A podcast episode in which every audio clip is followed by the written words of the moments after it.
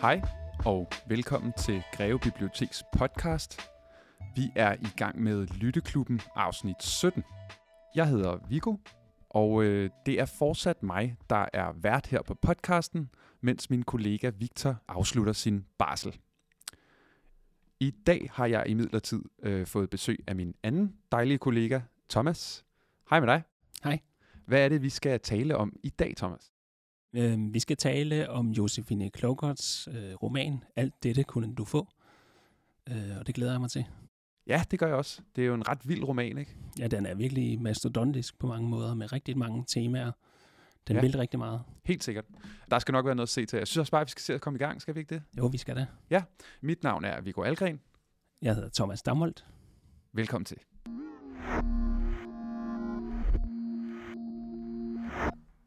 Okay, vi skal altså tale om øh, Josefine Klogart. Hun er altså født i 85 og øh, debuterede i 2010. Øhm, og har været indstillet til en masse priser. Men øh, vi skal snakke om hendes seneste roman, øh, Alt dette kunne du få, som er fra 2021. Øhm, og hvis man ligesom lige skulle sige sådan ret hurtigt, øh, Thomas, hvad den her bog øh, handler om, hvad, hvad, vil, hvad vil du ligesom, øh, hvad vil du give den der? Øh, så vil jeg sige, at den handler om en øh, kvinde, der oplever det, at øh, hendes far øh, har et hjerteanfald og, og ligesom øh, går i sort. Øh, han kan ikke genkende dem, der er omkring ham. Ja. Og, og det, det gør, at hun øh, ligesom øh, kommer, i tanker, kommer i tanker om sit liv og, og, og kigger tilbage på det. Ja, ja, præcis. Det er sådan en masse erindringsbilleder, der ligesom sådan vælger ind over den her historie på en eller anden måde, ikke? Jo, det er det jo. Det er jo ved en afgrund, at sådan noget kan ske. Ikke? Og det, det er jo det, hun oplever. Ja. Vores hovedperson, Barbara. Kunne du lide den? Jeg, jeg, kunne, jeg kunne rigtig godt lide den. Ja, det kunne jeg sgu også. altså, det kunne jeg. Jeg synes faktisk, den var rigtig godt skrevet. Hun har en poetisk sansning, som er sådan, øh, den virker sådan meget naturlig, Ja. synes jeg. Der er en rigtig god stemme i bogen. Men dermed ikke sagt, at det er sådan en traditionel stemme, der er i den, vel?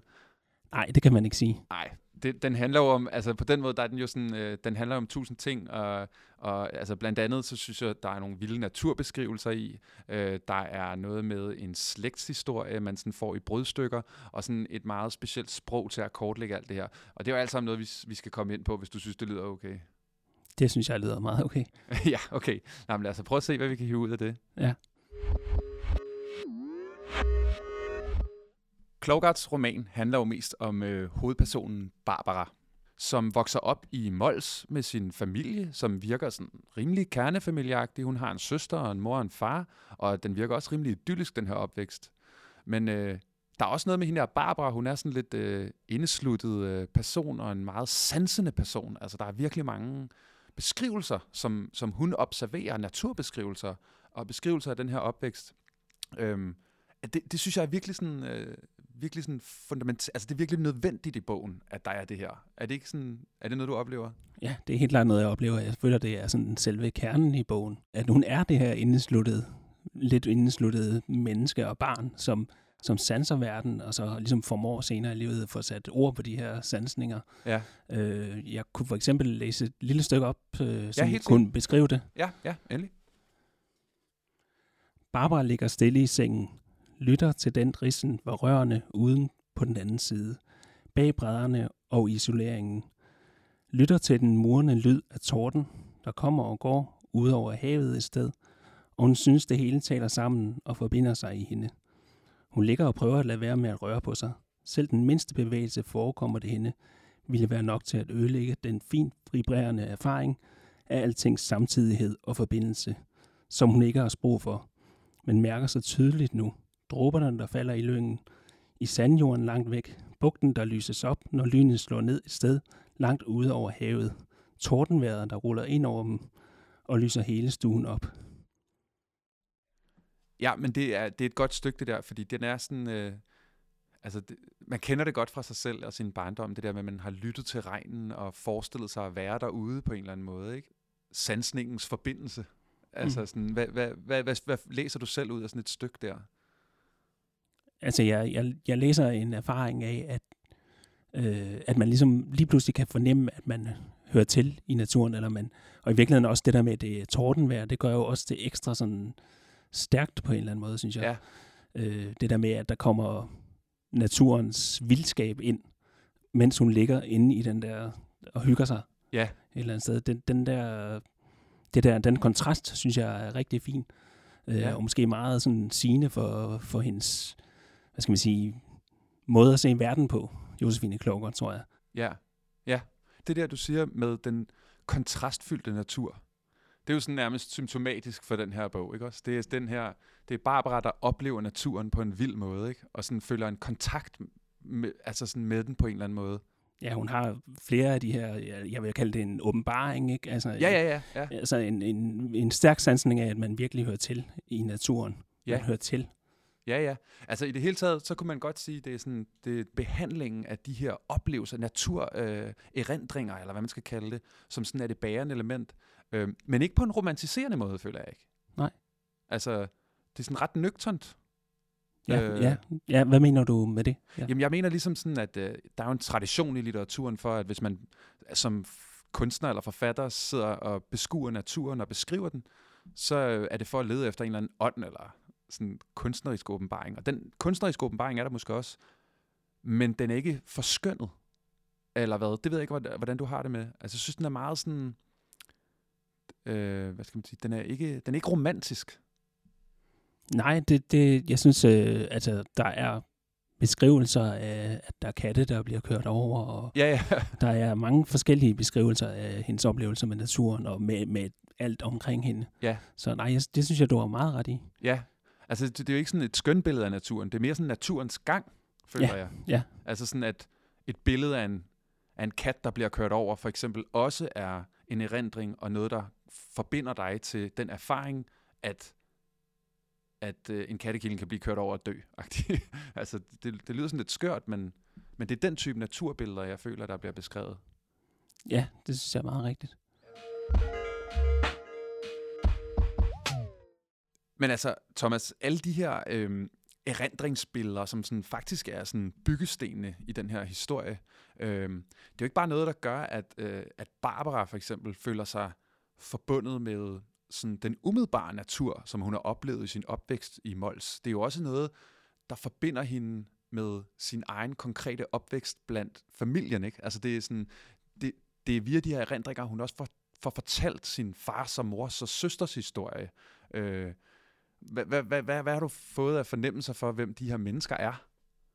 Altså, jeg har fået en fornemmelse af, at de her mennesker, altså forældrene Sonja og Erik, Ja, er nogle mennesker, der gerne, der har nogle idealer, som de gerne vil real, realisere og, og, og leve ud. Øh, De flytter på landet og, øh, og skal være selvforsynende. Det er så Sonja, der står for den del. Øh, mens faren Erik, han, øh, han arbejder, han knokler løs. Ja. Øh, øh, han har noget med fra sin, øh, fra sin egen opvækst, at det er vigtigt at have økonomien i orden. Øh, og det er noget af det, som, som jeg synes, øh, Josefine Klaugert belyser rigtig godt, øh, de her øh, ens forældres opvækstbetingelser for en selv, eller hvordan man nu skulle sige det. ja. Altså, men det, men det er også det, jeg synes, der er lidt sjovt ved de her familiebeskrivelser øh, via erindringerne. Det er sådan ligesom den her forbundethed, øh, den unge Barbara oplever ved at høre regnen øh, og være uden blandt den. Øh, så er det som om, at der også ligesom sådan kommer en ny forbundethed til familien ved at erindre dem i et kollektiv oplevelse på en eller anden måde. Øhm, og det er også det, der ligesom gør, at det sådan, den er også sådan lidt farvet af at være en form for slægtsroman på en eller anden måde, ikke? men at den fletter alle mulige mærkelige ting, men kodeordet i det er hele tiden de forbindelser, som bliver opdaget i og at erindre dem. Det er i hvert fald sådan, jeg oplever det. Ja, det oplever jeg også. Og der er også øh, for eksempel, at hun har den der lige linje fra, øh, hvor hun bor i København, og så gennem Mols, og så op til deres sommerhus. i Ja, altså hvis man tager et kort og tegner på det. Simpelthen. Så den konkrete linje beskriver hun jo i, i romanen, Ja. som et eksempel på alle de her linjer, forbindelser osv., man kan sige, der er Ja, ja, ja. ja. mellem altså både steder og natur og menneskene. Det er, det er i hele taget noget med at trække tråde, ikke? Ja. Men altså, den trækker også tråde på sådan en øh, lidt anden måde. Altså, øh, hvis man bare ved en lille smule om Josefine, altså forfatteren selv, så trækker den måske også rimelig mange tråde til hendes eget liv. Øh, det er jo nærmest sådan en autofiktiv oplevelse at læse den her bog, ikke? Jo, det, det er det i, i allerhøjeste grad. Ja. Øh, men jeg tænker ikke, at man kan sige, det er autofiktion, det her. Nej, sådan som man kender den klassisk, eller hvordan? Øh, det, jeg, jeg tænker mere, at hun bruger autofiktive elementer. Ja. Jeg ved ikke, hvordan, men hvordan vil du beskrive det? Jo, men altså, jeg tror også, at det er sådan, øh, i og med, at det bliver sat op som de her sådan erindringsglimt, øh, ved siden af nogle andre fortællinger, som på en måde får en, det, det får sådan en underlig form for ligevægt, hvilket gør, at, øh, at den ikke har sådan en klassisk autofiktivt setup, tror jeg ikke, jeg synes. Og der er jo også andre karakterer i romanen, der er fortællestemmer. Ja, ja, helt Det skal, sikkert. man, skal vi lige huske på. Det er jo for mig at se det, der er særligt af det nye i den her roman også, Ja. i forhold til en tidligere romaner. Ikke? Ja. Øh, Men altså, men, men altså Josefine Klokkert er jo fra, fra, fra Mols, og har en, i hvert fald en søster og to forældre, og er opvokset det sted der, og er selv blevet forfatter jo, og sådan, der er nogle klare tråde og sådan noget, men det er bare sådan, øh, nu ved jeg ikke, hvordan du selv har det med autofiktion, men jeg har, øh, altså, jeg fik godt nok nok af den ret hurtigt og sådan noget, men jeg har overhovedet ikke haft den fornemmelse for den her bog. jeg har det meget som dig. Altså, jeg, jeg synes, at Carlo Karl Ove Knavsgaards Min Kamp fungerede rigtig godt. Altså, der var, det ved jeg ikke, jeg tror, der skal noget helt særligt til, for at det fungerer. Øh, men det her, det, jeg synes, der er en god balance. Jamen, jeg synes også, øh, at det fungerer meget godt.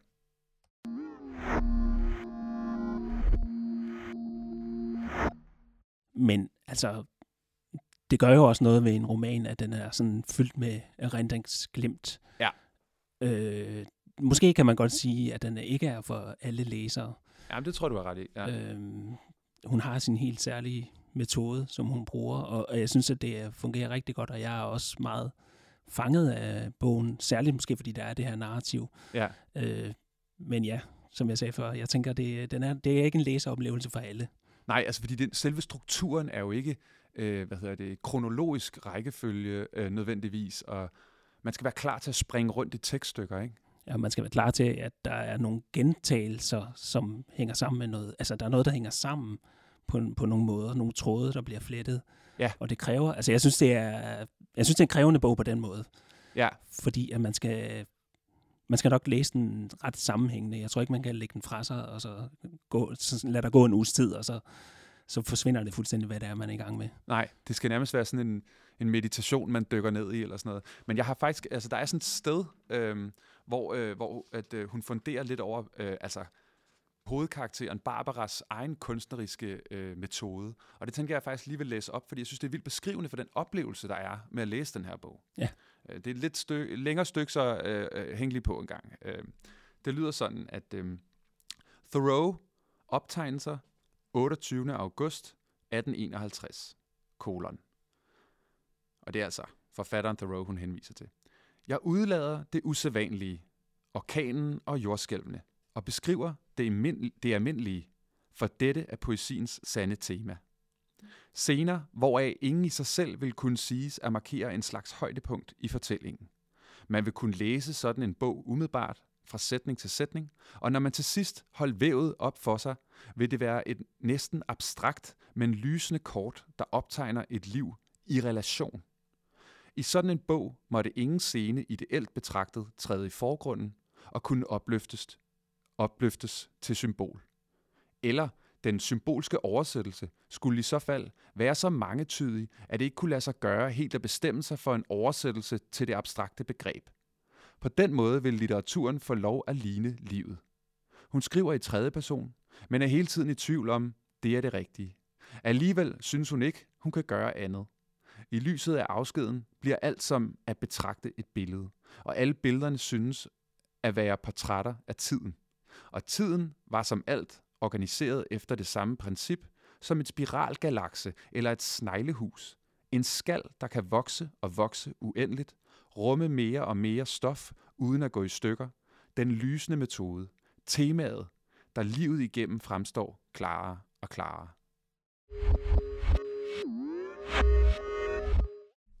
Okay, men altså, hvis du skulle give den her bog måske sådan nogle, noget, nogle temaer eller sådan noget, hvad vil du så sige, den overordnet handlede om? Så synes jeg, der er et væld af temaer. Ja. Men, Ja. men altså, jeg, jeg vil gerne øh, prøve at, at skære det lidt ned. Jeg synes i hvert fald, der er noget omkring øh, åbenbaringer i naturen. Ja. Og jeg synes helt klart, der er noget med slægt og relationer. Ja.